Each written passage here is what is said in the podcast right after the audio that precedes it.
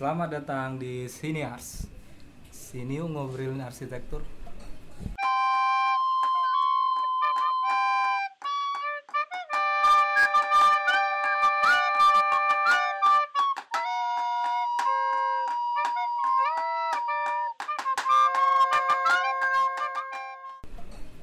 Kita kali ini balik lagi dengan dengan personil yang sama kayak kemarin tapi dengan topik yang berbeda. Kali ini kita mau bahas habis lulus sekolah arsitektur mau jadi apa.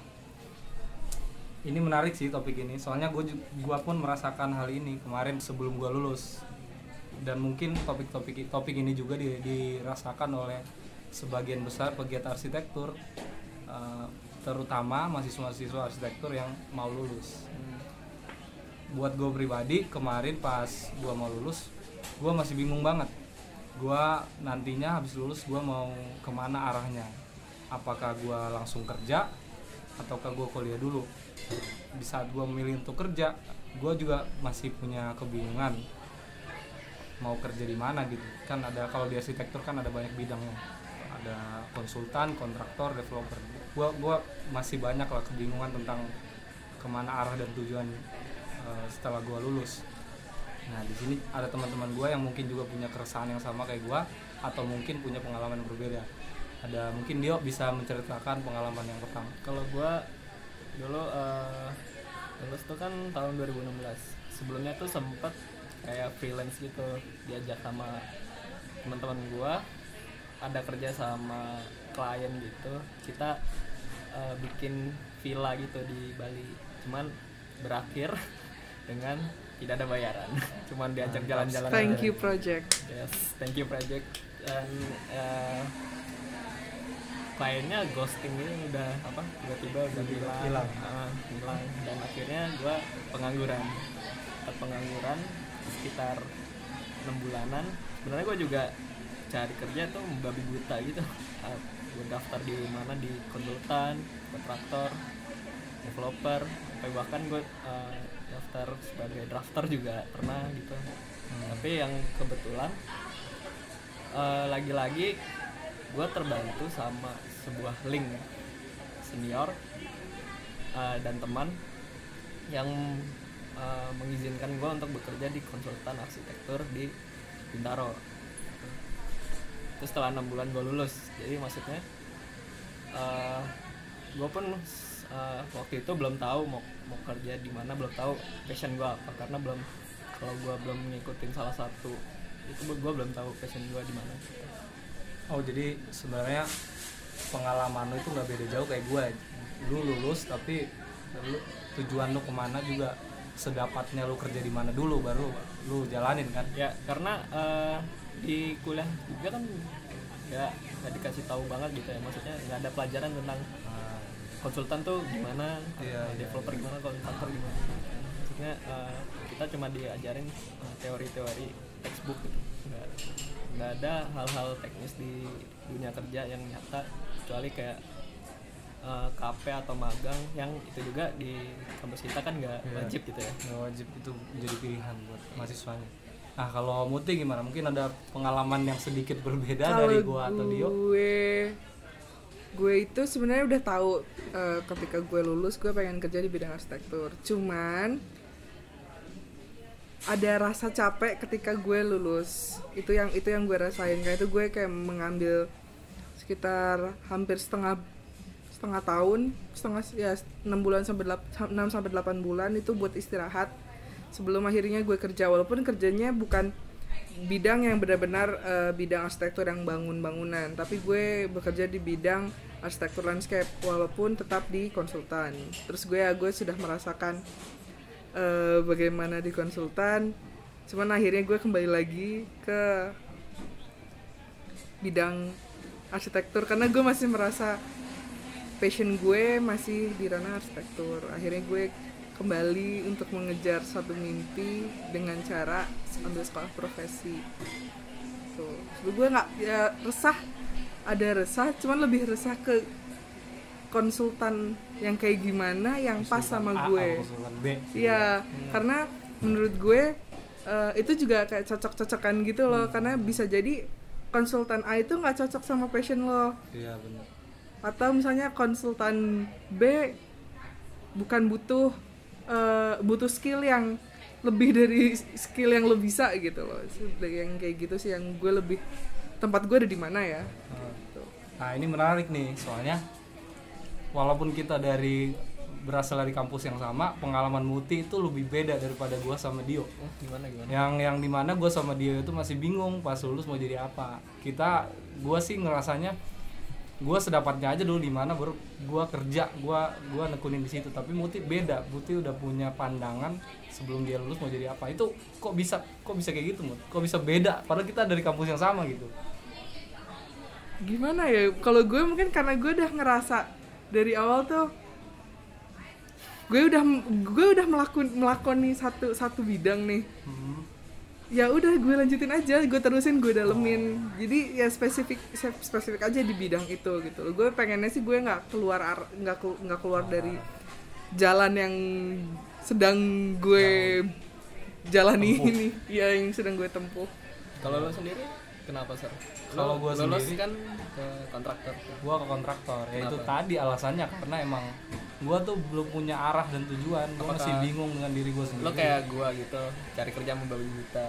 Gua nggak gua cari kerja nggak membabi buta sih. Cuman? Ya, dapatnya dari link. Oling juga. Iya cuma yang gua rasain tadi yang kayak kata lu seharusnya kampus itu mempersiapkan mahasiswanya untuk siap di dunia kerja gitu kan. Hmm. tapi yang gua rasain di kampus kita yang dulu ya namanya nggak usah sebut ya tapi Itu- udah pernah tahu juga. Mungkin. Itu nggak tahu yang lain ya makanya tadi gua tanya nggak tahu juga sekarang udah ber- berbeda mungkin. Ini udah tahun 98 lah, 97 98 lah pokoknya. Udah lama banget. Iya makanya tadi gue tanya Muti, kita kan dari kampus yang sama kok lu bisa udah pu- punya pandangan gitu, Se- sedangkan gue sama Dio belum. Yang mana gue rasain pas gue masih kuliah, kampus tuh nggak ngasih gue arahan arahan yang bisa bermanfaat bagi gue untuk menentukan pilihan gue nanti. Makanya pas gue lulus, gue masih luntang-luntung aja. Ya, mungkin itu. kalau oh keresahan gue yang paling utama sebenarnya tuh antara kerja atau lanjut Kuliah. pendidikan itu Nah. itu itu yang itu yang Oh. benar-benar keresahan yang gue pertanyakan apakah gue masih mau kuliah lagi di arsitektur ya, karena kita ta- kita semua tahu ap, gimana beratnya kuliah 4 tahun di bidang arsitektur terus terus gue yang di otak gue tuh cuma satu gue masih kuat nggak ya kalau misalnya gue mau ngambil ini eh, di sini pendidikannya ini dalam eh, maksud S2 ya magister Hmm. gitu kalau uh, misalnya Muti kan udah punya pandangan nih, udah punya pilihan lah ke mana dia akan uh, berlayar nantinya. Persiapan persiapan apa aja yang lu lu siapkan untuk bisa sampai ke tujuan itu? Di saat kuliah ya, di saat Oh, di masih saat- kuliah ya. di pas kuliah. Gue karena itu itu sebenarnya salah satu apa yang yang membuat gue ikut sayembara. Gue tuh mau memperbanyak portofolio. Ya kan karena gue karena gue sadar gitu loh apa yang dulu gue bikin di kampus itu terkekang. Iya. ya maksud maksud gue terkekang di sini gue sekarang karena gue udah bisa komparasi ya gimana sistem belajar di satu kampus ya dengan kampus yang lain. Terus gue merasakan mau disebut kampusnya? Nggak usah nggak Oh, enggak. Eh, ya ya itu gue merasakan bedanya gitu loh. Kalau dulu gue satu gue ngerasa dikit-dikit tuh dikekang sama kata-kata desain kamu mahal desain kamu nggak logis gitu loh.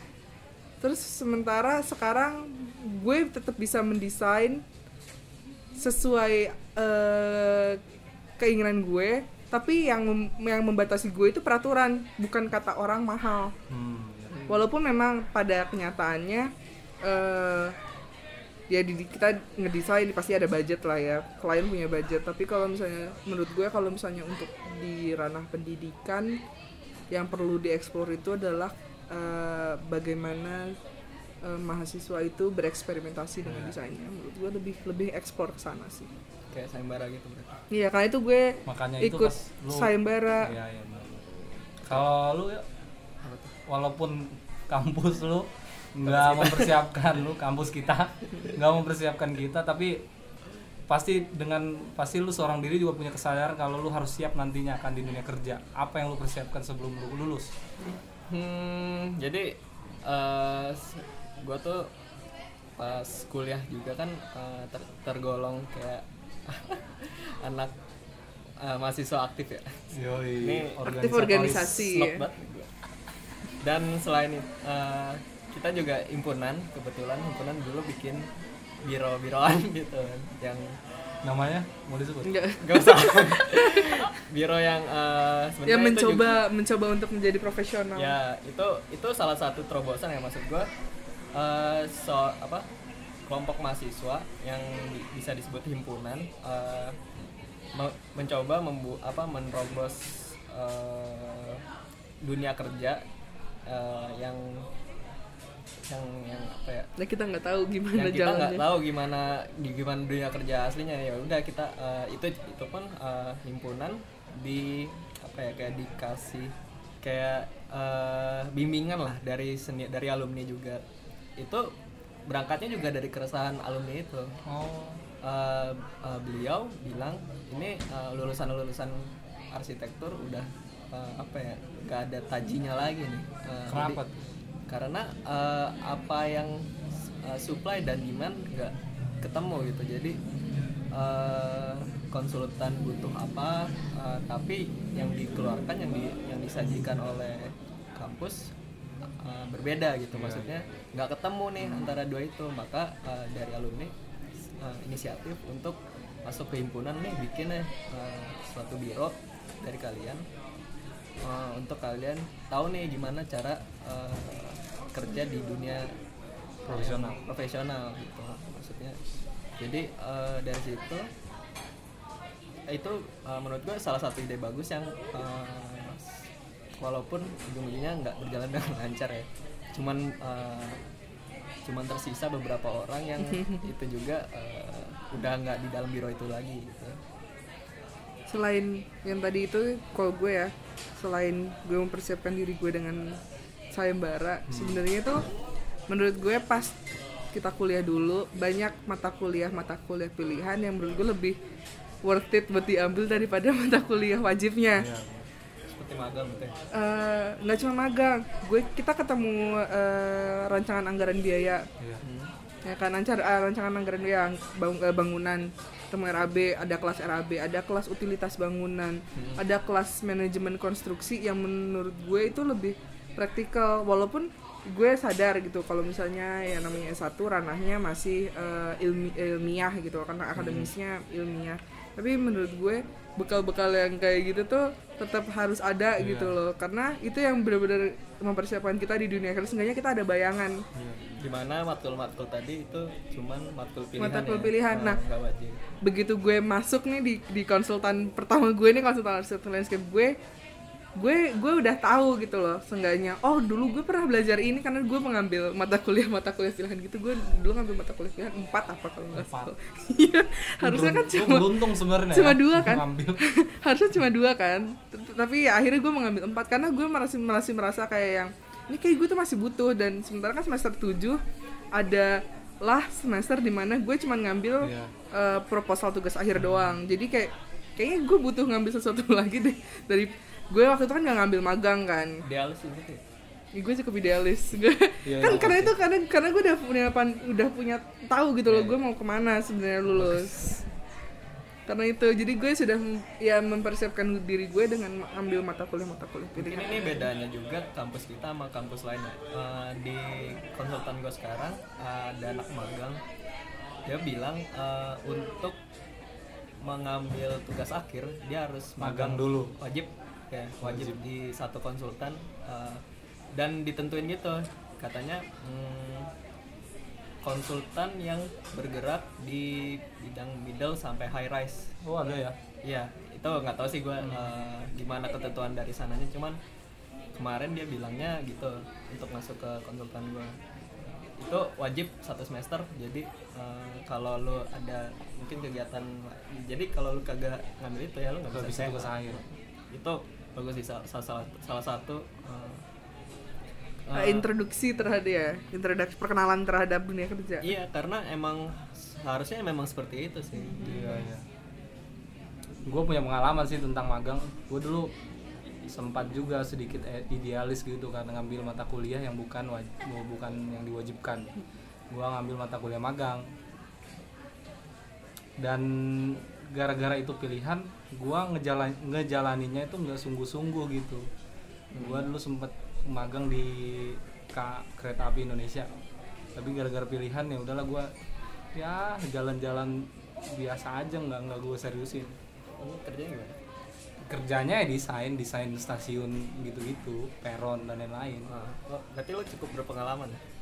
nah gara-gara sistem kampus kita itu nggak mewajibkan magang pengalaman yang gue dapet itu nggak maksimal gitu loh Hmm. kan kalau gue juga pernah dengar sih mahasiswa universitas lain yang mereka diharuskan magang full time gitu tiga bulan lu harus magang full time lu boleh keluar daerah tempat tinggal lu pokoknya full time lah kan beda di kita walau kita ini udah mata kuliahnya udah pilihan waktunya juga nggak full time Hmm. jadi kadang-kadang tuh kita perginya malah jam 3 sore nyampe sana paling jam 4 sore. Ya gimana tempat kerja? Waktunya jam 7 sampai jam 5 kan. Ya nggak ketemu akhirnya gitu loh kalau misalnya sistem magangnya kayak gitu. Tapi dibolehin sama KAI. Apa? Dibolehin kayak gitu. Untungnya di situ dulu anak senior jadi Link lagi. Link lagi. Link lagi. Nah gitu. Menarik sih. Ada beberapa pengalaman walaupun kita dari satu kampus yang sama ini mungkin bisa jadi bisa jadi pandangan buat ini ya mahasiswa-mahasiswa yang belum lulus ya. Terus mungkin gue ini sekali ada ada menurut gue ada ada pandangan baru karena eh, profesi yang mulai digalakan. Hmm. Eh, kenapa? Karena kan setelah profesi itu sekarang ada ada ada magang kan. Hmm. jadi kayaknya mung- karena magang itu kan yang lo pas kalau yang yang kayak KP itu kan nggak dihitung magang kalau misalnya sama sama asosiasi profesi kita IAI Mhm. yang dihitung kan kalau misalnya lo lo udah selesai profesi terus lo magang. Nah sebenarnya menurut gue itu sebenarnya salah satu bentuk eh, cara yang dilakukan IAI untuk memperkenalkan dunia kerja. Cuman di buat kita nih yang udah lulus pasti mikirnya masa gue udah lulus mau lagi. cari kerja harus magang lagi sih kapan gue dapat gajinya. Iya, ya kan ada ada akan ada pemikiran seperti itu. Ya itu dia tadi pengalaman-pengalaman kita semua tentang keresahan-keresahan kita. Curhatan curhatan. curhatan. Tentang keresahan kita dulu pas kita mau lulus kita bakal mau ke mana. Ini mungkin bisa jadi apa ya? Bisa jadi pandangan buat adik-adik yang mau lulus. Mereka mungkin harus mempersiapkan apa. Kayak ada yang denger aja. Mudah-mudahan ada yang benar adik-adik lagi Ntar- ntar gue suruh berasa adik- ya. ntar gue suruh adik gue gue dengerin biar ada. Oke oke. Nah sekarang nih kita udah kerja nih, kita udah merasakan walaupun ada yang sekarang ada yang nganggur lagi, tapi kita udah paling nggak merasakan dunia kerja masing-masing. Uh, kita mau, gua mau nanya sih sebenarnya ke kalian, alasan apa yang timbul, kenapa akhirnya kalian memilih uh, kegiatan kalian sekarang? Misalnya Muti, kenapa sekarang akhirnya memilih untuk kuliah lagi? Profesi, iya. Hmm, dari gue nih Dari Muti dulu. kenapa gue profesi jadi eh, setelah gue berkecimpung di dunia kerja nih Eh se- sebelumnya gue mau nanya nih Tadi kan lo eh, sempet bingung ya eh, Antara mau kerja atau mau S2 Iya. Kenapa lo ended up sebagai eh, menjadi profesi Apa ngambil profesi? nah, kan tapi kan gue udah diseling kerja kan Heeh. nah jadi itu eh, kerjanya itu jadi penyegaran gitu loh sebenarnya kalau Mhm. kalau di masa itu ya di masa karena gue bener-bener empat tahun itu full on gue tuh menurut gue gue sendiri cukup ambisius. Bukan mungkin nggak ambisius ya. Gue bukan orang yang cukup ambisius. Tapi gue bener-bener ngejalanin 100% fokus gue di situ. Gue gue gue nggak gue nggak mengerjakan hal yang lain gitu. Bener-bener fokus gue hal-hal yang tadinya gue suka lakuin sebelum gue masuk arsitektur. Begitu gue masuk arsitektur tuh semua berhenti. Jadi bener-bener hidup gue adanya di kuliah di arsitektur. Hmm. di situ.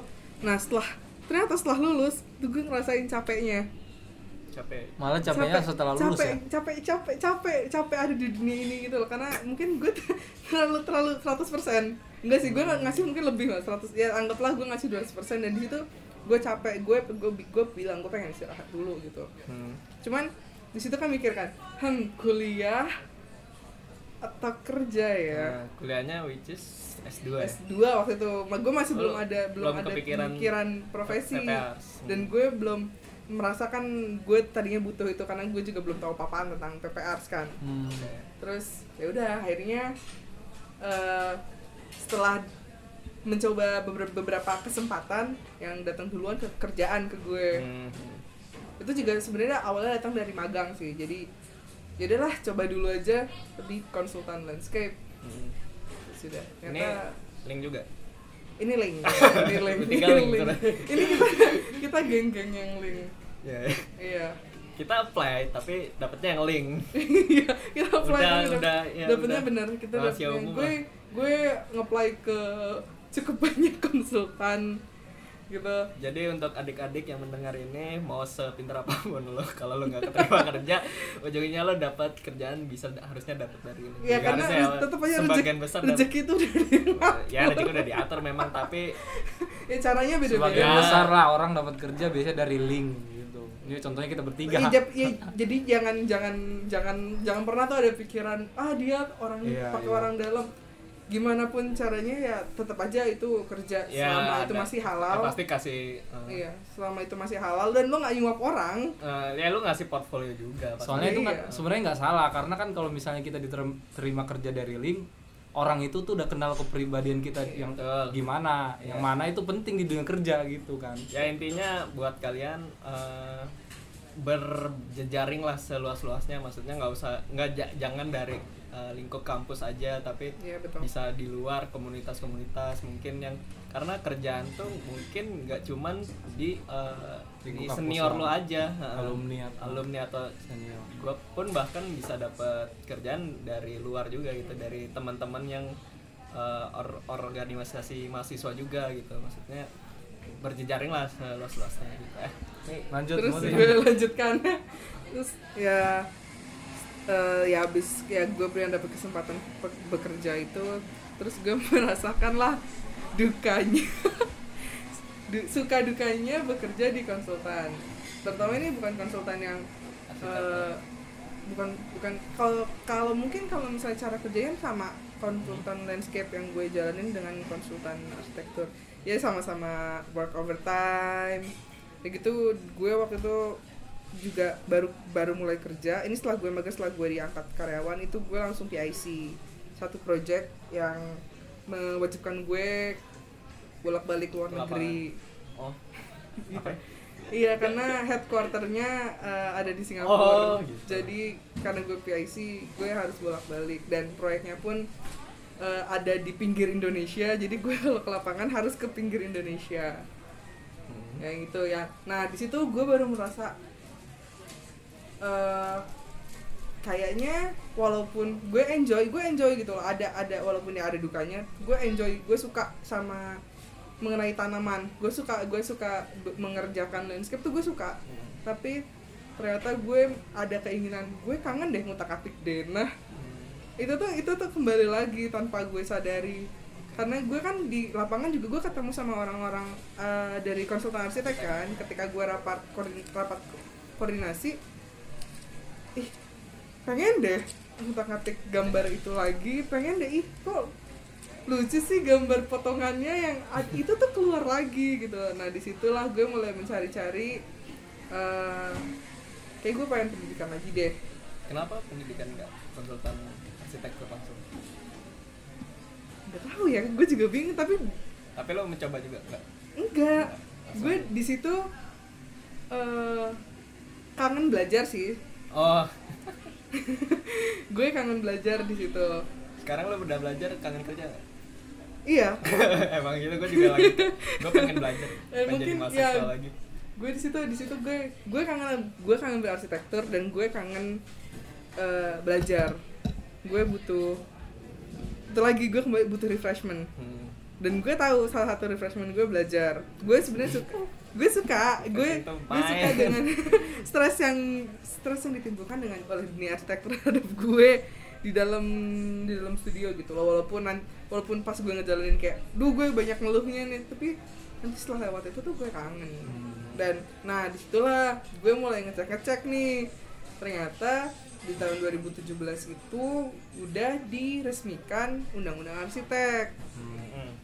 Yang mewajibkan sebenarnya ya menurut gue mewajibkan sih jatuhnya kalau kalau lo mau dapet SKA SKA ya SKA muda Kamu deh. itu syaratnya adalah kalau lo di atas lulusan 2016 ke atas 2016 17 18 dan seterusnya itu harus pendidikan lima tahun dan satu tahunnya ini bisa diambil dari eh, pendidikan profesi atau S2 yang S2 ya setahun atau dua tahun S2 nya pun harus S2 yang studio Iya dan harus studio berkaitan dengan Arsitektur. arsitektur. Nah, gue juga mencoba. Ternyata dapetnya yang profesi duluan yang datang. Hmm, oh lo coba Setelah itu S2 ada gue ada juga ada- S2 juga. apa jurusan apa? Arsitektur. Arsitektur. Eh, enggak, S2 S2, nya. S2, Oh. S2, S2 itu arsitektur. S2 arsitektur. Nah, cuman yang datang duluan ke gue si profesi. Hmm, Jadi ya udahlah, karena juga yang profesi masih dekat kan, masih di Indonesia juga. Jadi. Iya.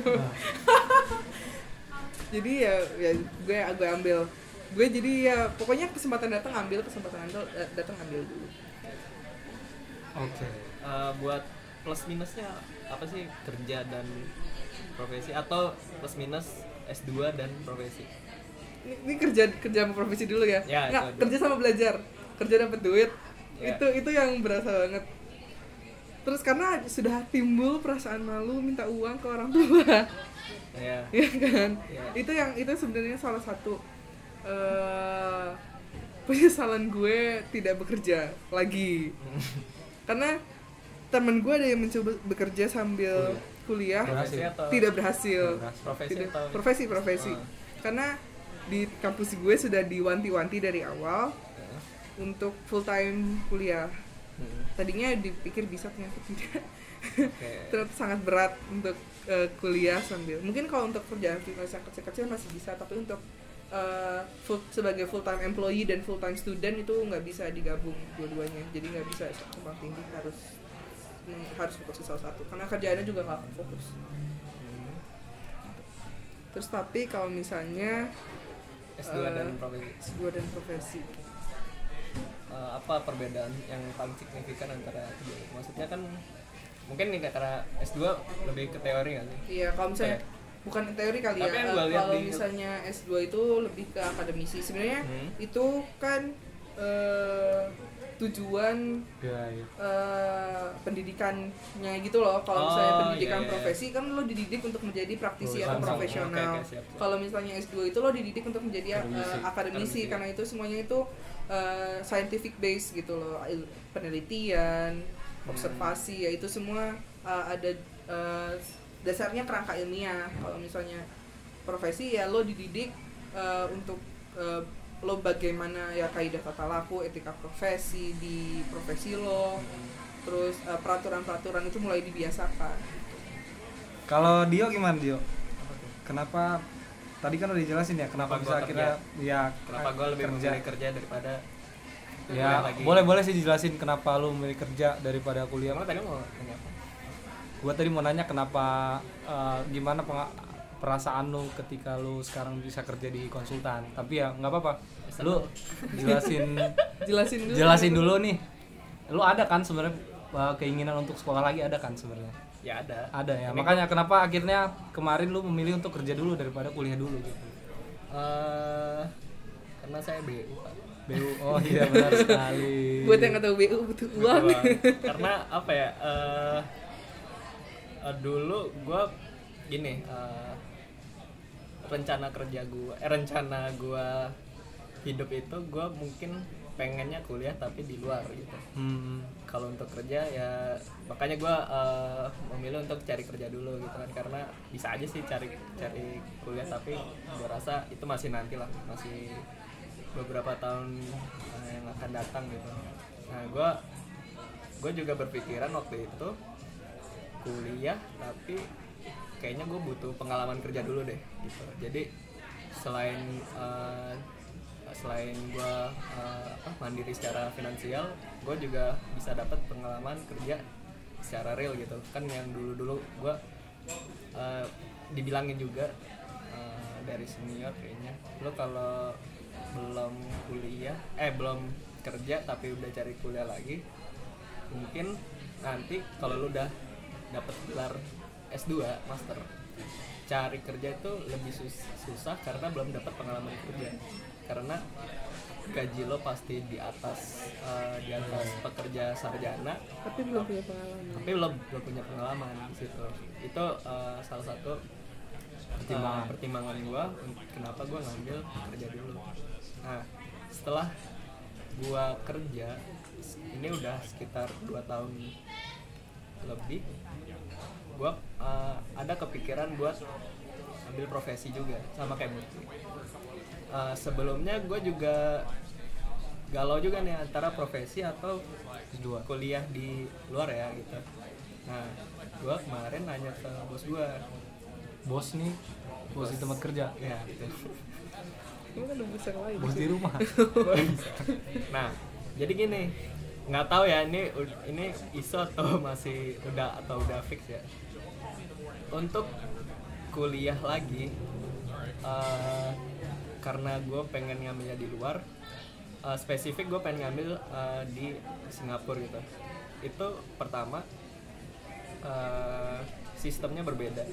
Jadi ada yang membuat kuliah arsitektur di sana itu eh kuliah arsi- S2 di sana itu kalau pulang eh, itu nggak dianggap udah PPR atau yang tadi syarat udah memenuhi eh, udah PPR atau S2 itu ya S2 studio walaupun itu studio. Eh, kedua itu misalkan karena gua gua eh, waktu itu pengen ngambil sustainable design atau urban planning di Singapura. Itu juga eh, nggak nggak dianggap eh, udah PPR atau S2 yang tadi. Nah makanya gue sekarang udah lebih mengkerucutkan gue akan ambil profesi. Oh gitu. Oke sebelum sebelum ke situ mungkin lu bisa ngejelasin dulu ke- ketika lu kerja di konsultan lu dapat apa di sana biar jadi bayangan orang yang dengerin kita juga? Lu bakal dapat apa? Lu kerjanya apa? Lingkup lu itu di mana aja? Gitu. Coba bisa jelasin nggak? Jadi gua itu datang ke sebuah biro yang eh, baru terbentuk juga Eh, tahun 2017 awal lah. Gue juga masuk ke 2017 eh, bulan April. Jadi di sana eh, sebelumnya kantor gue itu eh, ada dua prinsipal. Yang satu di Bintaro yang satu di Jogja. Nah ini mereka eh, kalau kerja ya proyeknya dibagi dua itu eh, koordinasinya ya via Skype atau via telepon gitu maksudnya. It- karena mereka sebelumnya eh, mereka berdua itu dari Singapura eh, kerja di Singapura eh, 2006 sampai 2016 10 tahun. Itu bos gue yang di Bintaro sih. Eh, link eh, sistem kerja mereka di sana tuh eh, ada kantor di Singapura juga ada kantor di Bangkok. Jadi eh, mereka bisa udah terbiasa dengan sistem kerja yang beda kantor gitu. Hmm. nah kembali lagi ke gue masuk itu 2017 bulan April di sana gue merupakan junior arsitek pertama di Wih. ya itu karena pencapaian ya Enggak juga Oh, sih, enggak. karena memang baru terbentuk aja dan ke- kebetulan lagi butuh orang. Kayaknya gitu. Terus, nah, lingkup kerja gua tuh eh, benar-benar eh, sebagai junior arsitek dulu gua dimulai dari ya desain yang kecil-kecil gitu. Nggak kecil sih gua karena lingkup kerja konsultan gua middle high pertama kali gua kerja itu suruh bikin model mall interior mall. Jadi eh, saat mall di Surabaya gitu gue bikin model interiornya.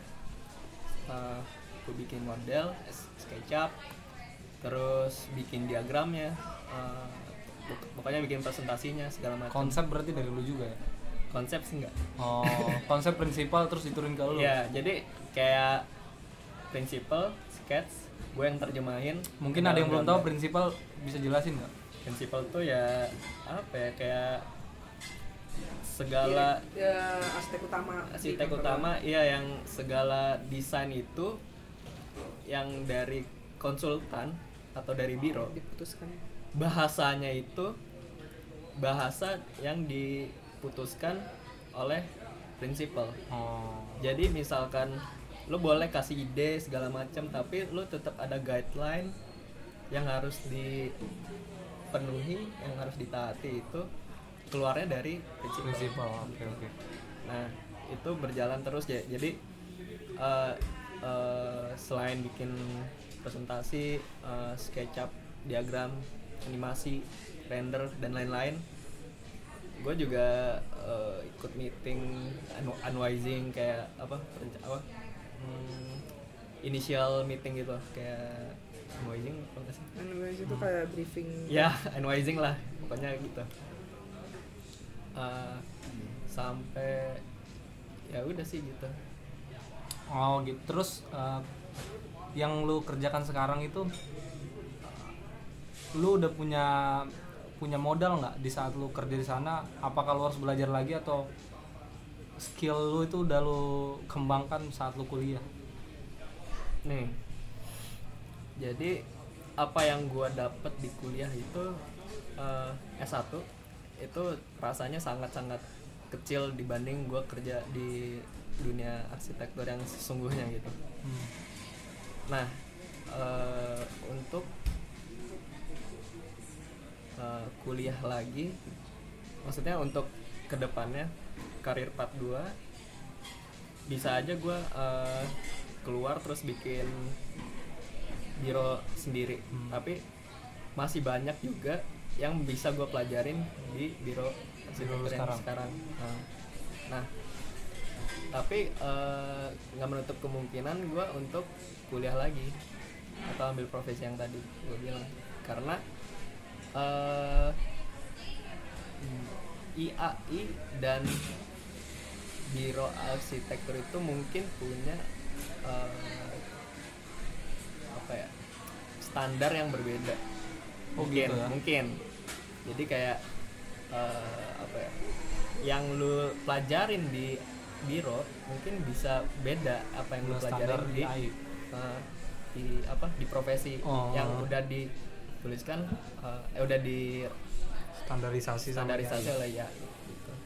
kan kalau dari standarisasi YAI itu eh, punya 13 butir kompetensi yang harus dipenuhi Hmm.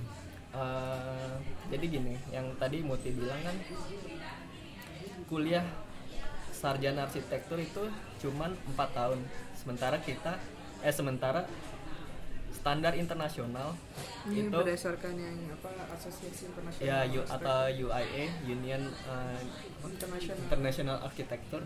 Architects. Union International Architects. Itu mewajibkan eh, arsitek itu minimal eh, Pendidikan. lima tahun. Karena di Indonesia itu cuma empat tahun jadi kita mau diwajibkan untuk PPR se- selama setahun. Dilanjutkan dengan magang dua tahun jadi gini histori kenapa kita cuman berpendidikan 4 tahun itu berpendidikan arsitektur selama 4 tahun itu eh, di awalnya itu dari era Orde Baru di mana Soeharto me- mencanangkan Canangkan. replita atau eh, apa sih namanya? nggak tahu pokoknya pembangunan Pengem- kan eh, pembangunan lima tahun Kayaknya apa? Kayaknya apa? Rencana? Rencana pembangunan lima tahun. Di mana di situ negara membutuhkan sarjana banyak sebanyak banyaknya oleh karena itu Indonesia so ide gitu. Untuk membuat sistem sendiri. Iya serius. Serius. Oke oke oke. Jadi eh, dengan itu Indonesia dulu kan Indonesia kayak wah kayak bisa dianggap macan Asia lah ya. Hmm. Nah dari situ eh, negara membuat sistemnya sendiri. Jadi kuliah 4 tahun, lu jadi sarjana arsitektur, eh sarjana teknik. Kerja teknik Hmm, gitu. Jadi itu Insinyur. insinyur insinyur, Insinyur. di masa itu baru masih insinyur Iya, sih, Ar? insinyur. kalau nggak salah tuh 9 satu apa 92 deh Nah itu berarti eh, maksudnya dari sana eh, eh, apa namanya histori kenapa kita kuliah 4 tahun doang kuliah kita empat tahun doang gitu. Nah di dalam PPR sendiri balik lagi eh, karena kita cuman empat tahun dan belum men- eh, berstandar internasional, eh, jadi IAI eh, merumuskan bakuan kompetensi profesi arsitek itu dalam 13 butir kompetensi Hmm. yaitu pertama perancangan arsitektur Eh, di sini maksudnya mampu menghasilkan rancangan arsitektur yang eh, memenuhi ukuran estetika dan persyaratan teknis Hmm. ini harus baca semua nggak sih sebenarnya enggak sih sebenarnya enggak ya Iya. Udah. pokoknya kalian eh, dan berarti yang tadi kom- 13 butir kompetensi itu akan diuji ketika lu PPRs betul nah. Dan gue sendiri yang gue sed- sedang melakukan profesi gue tahu kalau misalnya ya 13 butir ini beneran memang diimplementasikan di eh, silabus gue. Oh oke, kayak misalnya tadi nih eh, ada masalah yang eh, perencanaan perencanaan kota di proyek gue yang ini gue diberikan eh, kesempatan untuk mendesain eh, ya, untuk merancang merencanakan eh, RTBL RTRW RTBL di situ gue merasa oh memang memang eh, silabus yang dibuat itu eh, sudah mengikuti 13 kompeten eh, butir kompetensi yang diminta sama IAI alurnya sendiri itu eh, ini alur apa nih? Alur lu kayak lu lu ketika lu pengen jadi arsitek? Yap. Ini kita mau ngomongin yang Secara- tertera di buku yang as- ya ya ya yang kemarin mungkin orang-orang udah jalanin apa yang akan menjadi ini nih. Kita mungkin cerita dulu pengalaman yang udah jalanin ya. Muti berarti kan? Kalau gue gue mu- ya gue kan sebenarnya nanti kita mengacu dari buku. Ya, kalau dia yang jelasin kalau misalnya gue karena karena gue nggak gue sedang menjalani kan sedang Hmm. berproses. Eh, pertama ya lu yang pendidikan paling dasar itu yang pendidikan sarjana satu tahun. Eh satu tahun empat tahun sarjana pendidikan sarjana empat tahun sarjana arsitektur. Setelah itu lo eh, mengambil eh, pendidikan tambahan magang dua tahun. Setelah itu ujian. Setelah ujian eh habis itu dapat kalau lulus kalau enggak ya harus ujian lagi. Ujian lagi. Oke Stera tuh apa? STRA STRA itu jadi mungkin sekarang namanya masih SKA dan masih ada tiga tingkat muda media dan utama. Cuman eh, berdasarkan sumber yang saya percaya dan sumber terpercaya karena eh, beliau adalah salah satu eh, pengurus juga di IAI IAI Eh, dia banyak berkecimpung juga dalam pembuatan undang-undang Eh, SKA itu akan berubah nama menjadi STRA surat tanda registrasi arsitek. Oh. Berubahnya kapan sejak kapan itu waktu itu kurang tahu ya kalau misalnya eh, perubahannya kapan itu saya kurang tahu tapi akan akan akan berubah akan akan berganti. Dan itu tidak akan ada eh, stratanya lagi. Maksudnya strata itu tidak ada lagi muda media dan utama. Jadi hanya satu. Oh gitu. STRA saja cuman satu aja. Nggak ada nggak ada nggak ada tingkatan tingkatan itu udah nggak ada. Ya gue mau nanya nih. Kan kalau misalnya sekarang kita dapat strata muda kemudian kan ada jenjangnya kan Hmm, ada kasta, iya. ada waktunya kan. Nah. Kalau misalnya udah disetarakan satu STRA doang berarti kalau misalnya lu udah lulus kuliah PPR terus magang 2 tahun terus ujian langsung dapat STRA iya. Oh lebih cepat dong daripada SK Amadi yang kemarin yang Iya. dulu didapetin. Jadi semua orang punya eh, hak yang sama yang membedakan nanti hanyalah jam terbang. oh Sudah berapa lama udah berapa lama lo nih pegang pegang si STRA ini kan? Sudah sudah berapa banyak project yang sudah dikerjakan. Jadi kembali lagi ke eh, portofolionya si eh, pemegang STRA ini. tapi sertifikasinya tetap sama semua STRA Iya. doang oke Jadi untuk sertifikasi ini eh, sebenarnya diatur oleh lembaga yang harusnya di eh, diakui oleh negara. Nah, Memang diakui. tapi memang diakui sih, Cuman cuman prakteknya hmm, pada prakteknya bukan, bukan pada prakteknya sih. Maksudnya eh, untuk menca- meng- mendapatkan sebuah SKA itu hanya satu asosiasi yang mungkin gini kali ya ngomongnya jadi eh, semua sertifikasi eh, keahlian itu dikeluarkan oleh satu lembaga negara yaitu Hmm, LPJKN LPJKN lembaga sertifikasi ber- Iya, berarti yang tadi just- STRA itu ya KA. yang sekarang SKA. SK, masih SKA Ah.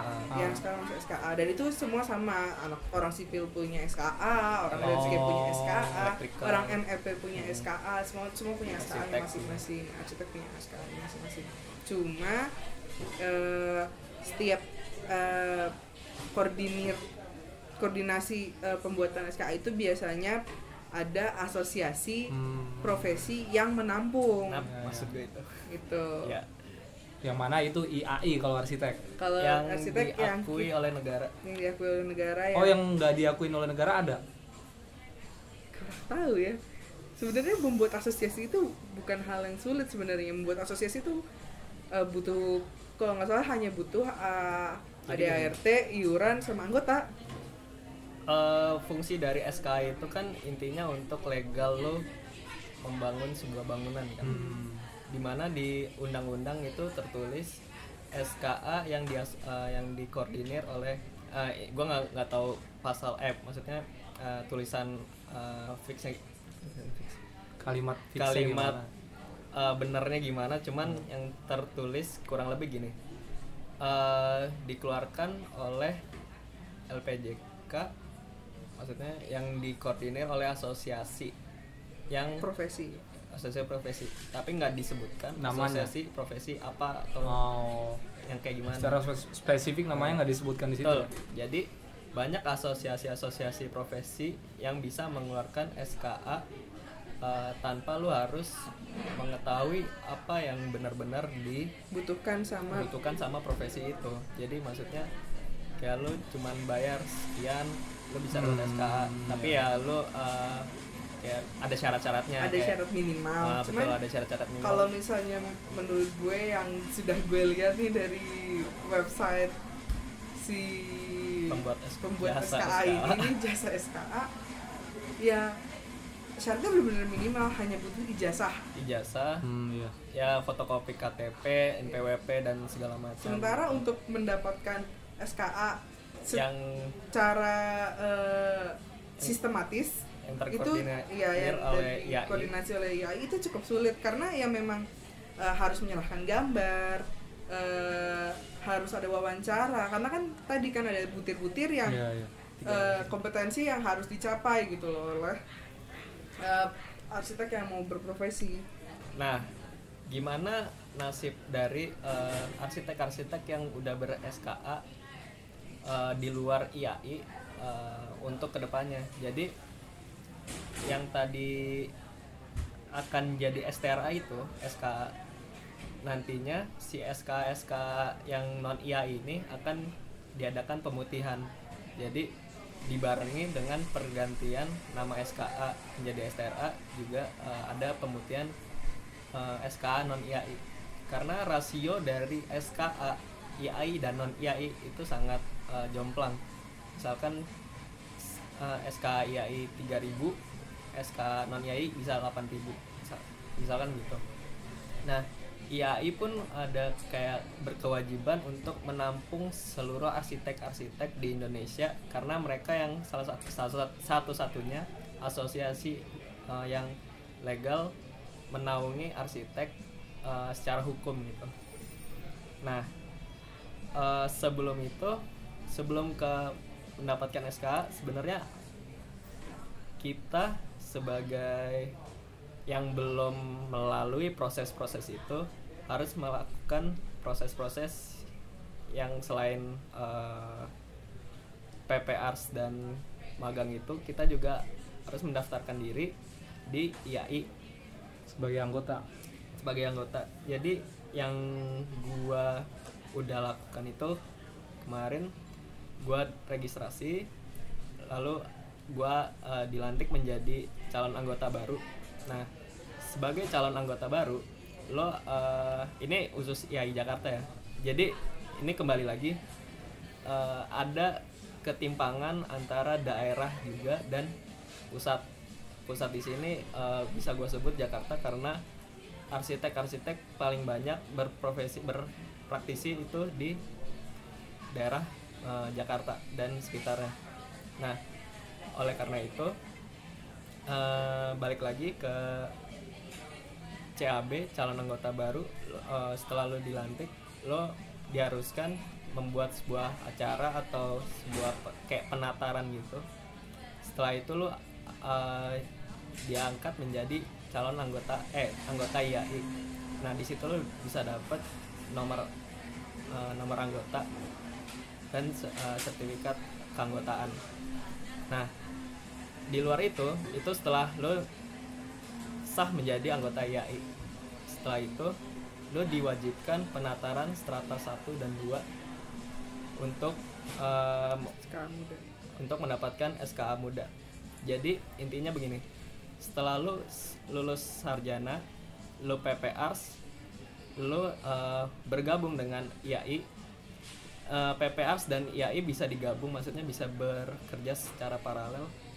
Nah, dilanjutkan dengan lu magang selama 2 tahun untuk eh, yang lu harus ngisi logbook segala macam dan baru abis itu ujian dan lu baru bisa mendapatkan SKA muda. Oh, jadi sebenarnya sekarang itu masih ada dua jalur ya. Yang tadi pertama harus ikut PPARS, yang kedua bisa beli.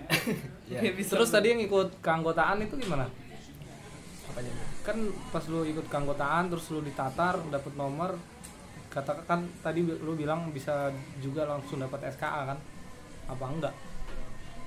Maksud gua Enggak, kenapa enggak, lu enggak. harus ikut keanggotaan sedangkan lu langsung PPR juga bisa dapat SKA gitu? Enggak, enggak, jadi eh, PPS tuh nggak langsung dapat SKA enggak, Oh gitu. Enggak. enggak, PPRS enggak, kan harus magang dulu. magang Maksud maksud gua tuh nggak perlu ikut anggota IAI nggak Harus, harus.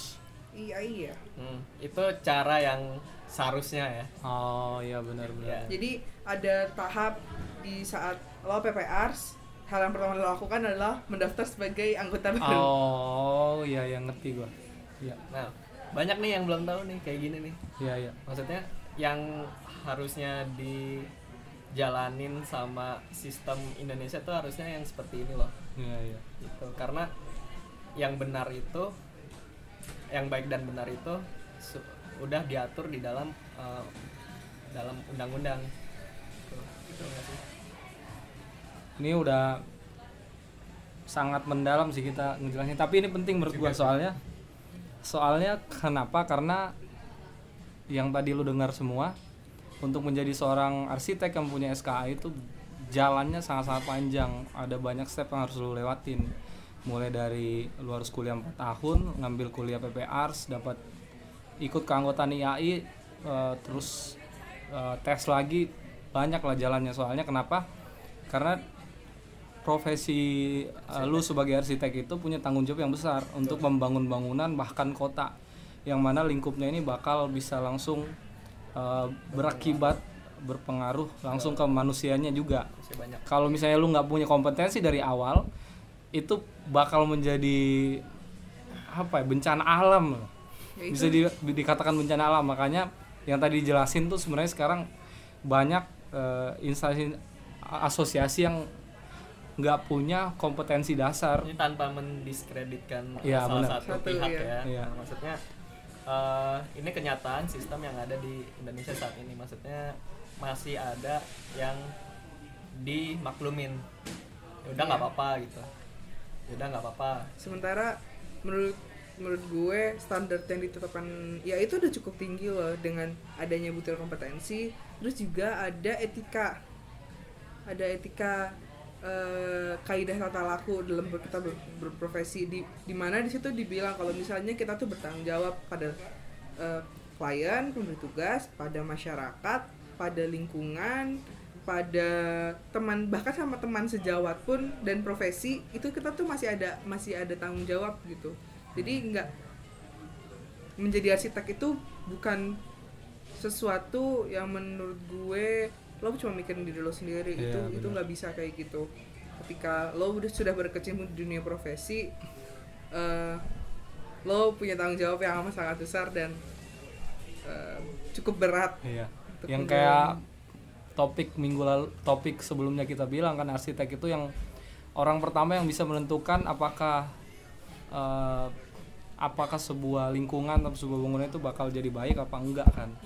Nah makanya penting untuk kalian yang mungkin ingin menjadi seorang arsitek untuk menjalani eh, step-step step-step eh, yang ada itu dengan benar. Gitu. Terus apa lagi yang mau dibahas Terus eh, itu nggak mau ngebahas yang ya kalau misalnya nggak mau jadi arsitek juga nggak apa-apa sih. oh iya. Masih- ya sebenarnya sebenarnya balik lagi kayak tadi kita awal kita uh, bahas kita semua punya keresahan. Kalau gua sama Muti sama Dio akhirnya kita uh, tetap juga berkecimpung di dunia arsitek arsitektur. Tapi nggak bisa dibungkiri banyak juga teman-teman kita yang lain tuh uh, bekerja di dunia-dunia yang sama sekali nggak berhubungan kayak arsitektur dan itu nggak apa-apa gitu kan. Itu ya preferensi, preferensi masing-masing orang.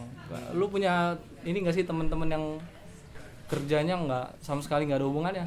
Banyak. banyak kan ya? Banyak. dan itu nggak apa-apa kan? Iya nggak apa-apa ada ya. teman gue dia jadi penyiar radio. Punya radio? Iya Prioritas karena prioritas orang beda-beda. Mungkin ada orang-orang yang mau ngejalan passionnya dan passionnya mungkin bukan di dunia arsitektur. Jadi ketika dia sudah menjalani pendidikan di dunia arsitektur, dia merasa sudah cukup. Jadi dia menjal sekarang menjalani passionnya. Iya. Atau mungkin ada yang merasa dunia arsitektur tidak memberikan saya cukup uang. iya Iya, Sama dunia lain ini memberikan saya uangnya sangat banyak. which is Untuk- fine gitu Ya juga apa-apa nggak karena apa-apa lah. prioritas kita tiap orang beda-beda. Betul. iya dan Ridwan Kamil kan juga pernah bilang ketika kerja lu itu adalah hobi lu akan dibayar tanpa merasakan capek sedikit pun Betul. kan? itu Andra Martin. Gua dengernya ini Ridwan Kamil. Mungkin mereka berdua ngomong bareng. Ya itu itu sih. Waktunya udah panjang banget sih ini. Ah, tapi udah sejam lebih. Eh, kan dipotong. Kan banyak hal-hal yang gak penting. Mungkin ada yang mau ditambahin lagi sama kalian semua? Enggak. Kalau menurut gue buat kalian yang mungkin baru mau lulus atau ya lagi lagi semester semester akhir eh, dipik- dipikirkan matang-matang Iya, lah. benar sekali. kalian kalian mau ke mana sih abis ini? Mau kuliah lagi? Ya kalau mau kuliah lagi silahkan kuliah lagi. Atau mau bener-bener jadi arsitek yang berprofesi di bidang ya di di arsitektur mau mau jadi praktisi Eh, yuk sama-sama menggalakkan eh, sistem yang seharusnya gitu. Iya, iya. sistem-sistem bagaimana sistem itu dibentuk. Ya walaupun ya pada realitanya ya akan ada deviasi-deviasi di sistem tersebut ya tapi seenggaknya kita semua sudah mencoba. Atau mungkin buat kalian yang eh, merasa dunia arsitektur bukan dunia kalian jalanilah passion kalian. Betul sekali. Dan jangan lupa satu yang tidak kalah penting apa ya link. Satu gua tadi gua bilang satu dua tiga ngomong bareng oh. Ya itu dia link soalnya ya tadi yang kayak kita bilang. Berjejaring lah seluas-luasnya. Luas luasnya Oke mungkin segitu aja kali ya. Eh, gua dia cabut. Gua eser cabut. Nanti cabut. Bye